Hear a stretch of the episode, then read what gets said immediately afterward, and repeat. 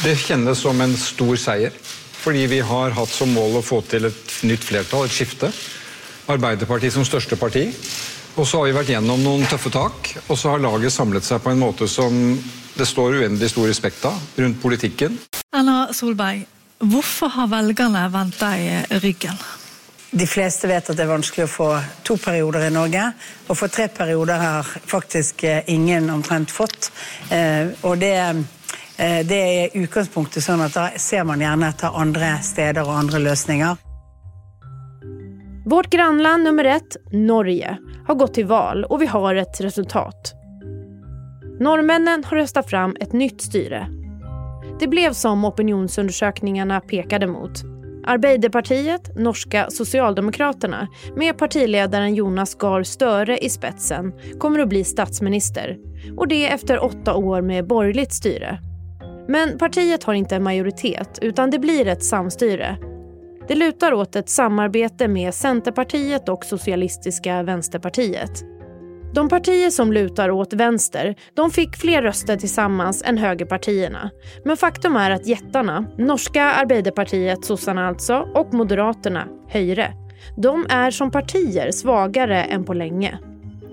Förutom maktskifte så sticker det här valet ut eftersom det ordnades i pandemitider under en tid då covid-smittan i Norge inte går ner utan istället upp.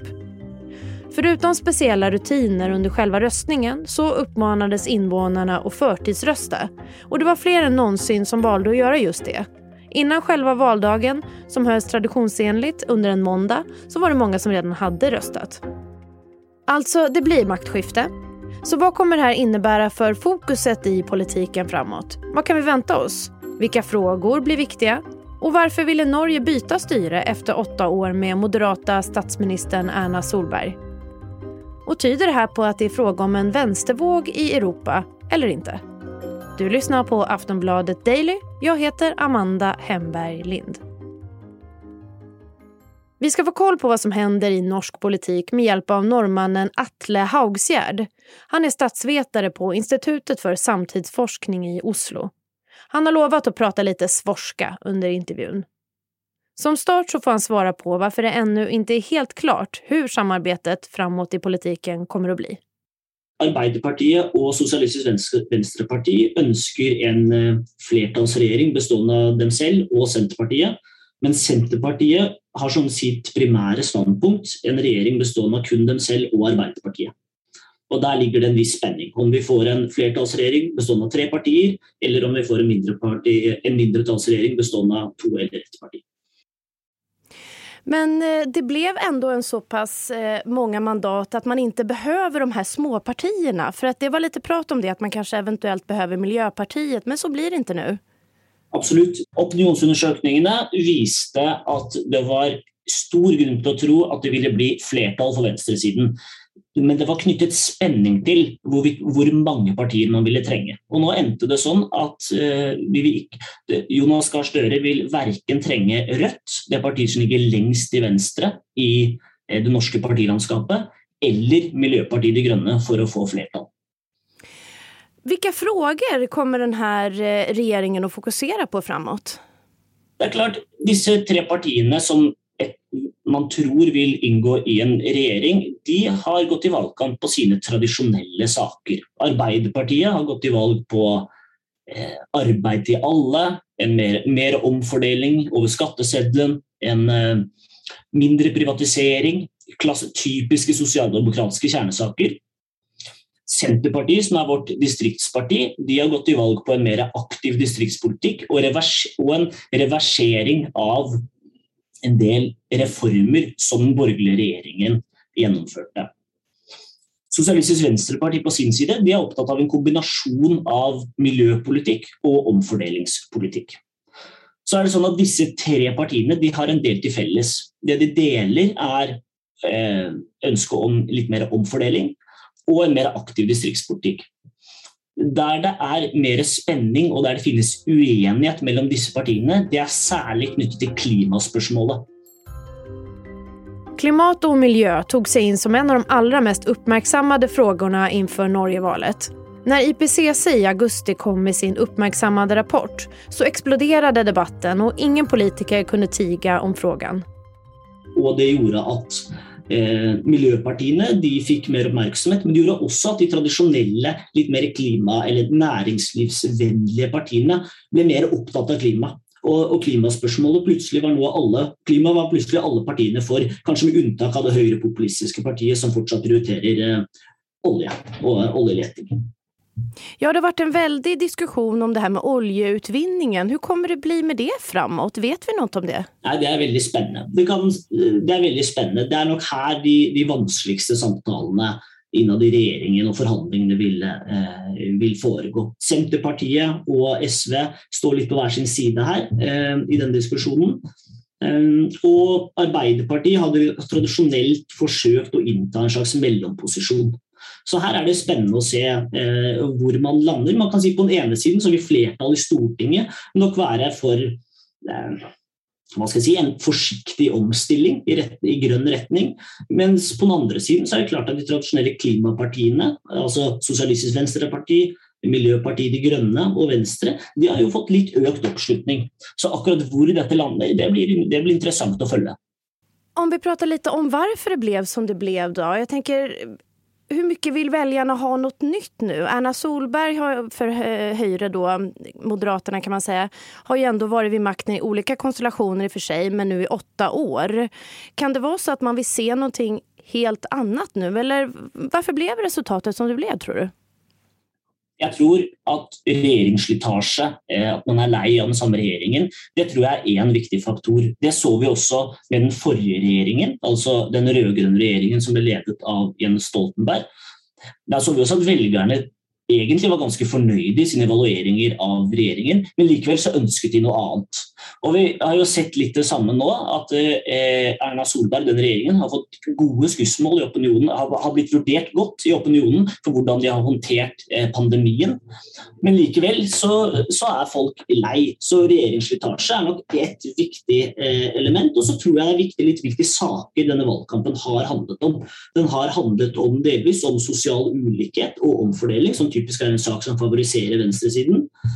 Og selvfølgelig dette med klima, som også er en krevende og vanskelig sak for Høyre, altså det, det borgerlige partiet. Og, og, ikke, så, så, for dem, og så har vi i Norge også hatt en lang, har det vært en sak som har vært viktig, ikke, bare, ikke egentlig som i valgkampen, men over en lengre periode, og det er distriktspolitikk.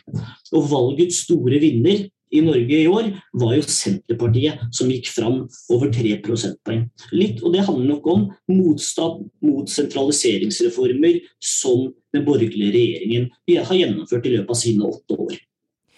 Men om vi ser på Arbeiderpartiet og Socialdemokraterna, kan tror du at de kommer ta med seg av det här valet? Ble, gick det bra ändå, nu, blir det byte av statsminister, men for partiet i seg har det ju inte gått så väldigt bra, eller hur? Nej, det kommer an på hva man sammenligner med. Altså, Hvis man går ett år tilbake, hvis det er sammenligningsgrunnlaget, så gjør Arbeiderpartiet et godt valg. De lå lavt på meningsmålingene, kanskje nede på, på, på det laveste, på 17-18% og de hadde veldig mye uro i løpet av denne, eh, den forrige stortingsperioden. Så at de kom opp til 26 er man nøyd med det? Er det bra, et bra resultat? I et slikt perspektiv er det et godt resultat. Men det er klart, hvis man løfter blikket litt og tenker i de litt lengre linjene, så er det klart at dette her er det nest dårligste valget til Arbeiderpartiet på 100 år. Det er kun i 2001 at de gjorde et dårligere valg. Og de gikk tilbake med andre ord, fra valget i 2017. Ehm, så Det er på en måte litt hva man sammenligner med, men jeg tror at mange i Arbeiderpartiet for det første er de lettet over at det tross alt eh, at tilbakegangen fra 2017 var ganske liten. Og for det andre så kommer de til makten, og det var nå det aller viktigste, tror jeg. Generelt sett så går det sämre for de største partiene Socialdemokraterna og Moderaterna i Norge och istället bättre for Norges små partier. Det lilla partiet Rött, som är ett radikalt vänsterparti, de kom för första gången över spärren på 4% och får nu inflytande i politiken. Och Arbeiderpartiet med kommande statsministern Jonas Gahr Støre har öppnat för samtal med partiet Rött. Och förutom i Norge så blåser vindar åt vänster även i Tyskland där socialdemokratin fått ett uppsving i mätningar. Kan det här tyda på en vänstervåg i Europa eller inte? Vi skal høre Atle Haugsgjerd igjen om hva han tror. Jo, kanskje det er, en, det er, det er flere, eh, særlig spesielt sosialdemokratiske partier, også i vår del av Europa, som gjør det bra om dagen. Vi ser det i Danmark, og ikke minst så ser vi nå på målingene i Tyskland. Der skal det være et valg om noen, om noen uker, så vi får vente og se. Men det er, klart at, eh, det er klart at med det fokuset som er på bl.a. Eh, økende grad av økonomisk ulikhet, eh, kanskje også som vi så i europaparlamentsvalget, en slags motreaksjon mot si, det som, til, det som var en, eh, lenge var veksten til den mer høyrepopulistiske eh, partifamilien. Klart, det er ting som, som borger for si, økt vest på, venstre, vekst på venstresiden. Men igjen, vi må huske på, hvis vi går tilbake til det norske valget, så er det klart at det er noen langsiktige trender her, som i hvert fall for, for, de, sosialdem, for de, sosialdemokratiske partiene peker er jo, er jo nedadgående. Altså igjen, Arbeiderpartiet gjorde sitt nest dårligste valg på 100 år i Norge. Så jeg tror man må kanskje skille litt mellom det litt kortsiktige og det litt langsiktige i en slik analyse. Fins det någonting som skiljer ut? Vi, vi er grannar. Er det någonting som er veldig annorlunda i Norge jämfört med i Sverige rent politiskt som du kan komme på? Jeg, jeg, vil, jeg vil si som så at mitt inntrykk er at de to landene har blitt likere over tid i, i hvordan hva skal jeg si, hvilke konflikter og hvilke spørsmål som dominerer eh, den politiske dagsordenen. Eh, vi, vi, pleier i hvert fall i Norge å si at eh, tradisjonelt så har Sverige vært et, et, et, hatt et partisystem som i all hovedsak har handlet om tradisjonelle venstre-høyre-aksen. Mens i Norge så har det vært litt mer flerdimensjonalt, og og vi har hatt flere eh, saker som har eh, strukturert partikonkurransen. Det virker som ikke lenger er tilfellet. Det, det, er flere saker også i Sverige som har blitt viktige, og det gjør også at vi får, likere parti, vi får likere, et litt likere partisystemer. Det tror jeg er riktig å si. Men, og vi har bl.a. fått et miljøparti i Norge som eh, vi ikke hadde tidligere av en viss størrelse, på samme måte som Sverige har fått et veldig sterkt høyrepopulistisk parti inn i, i, i, Riksdagen, som dere ikke hadde tidligere, mens vi hadde Fremskrittspartiet. Så det er klart at Man har fått en litt, litt likere partisystemer, jeg tror jeg er riktig å si, over tid. Det sier Atle Haugsgjerd, statsvetare på Institutet for samtidsforskning i Oslo.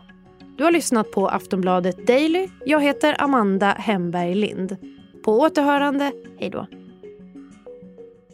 Du har lyssnat på en podcast från Aftonbladet. Ansvarig utgivare är Lena K Samuelsson.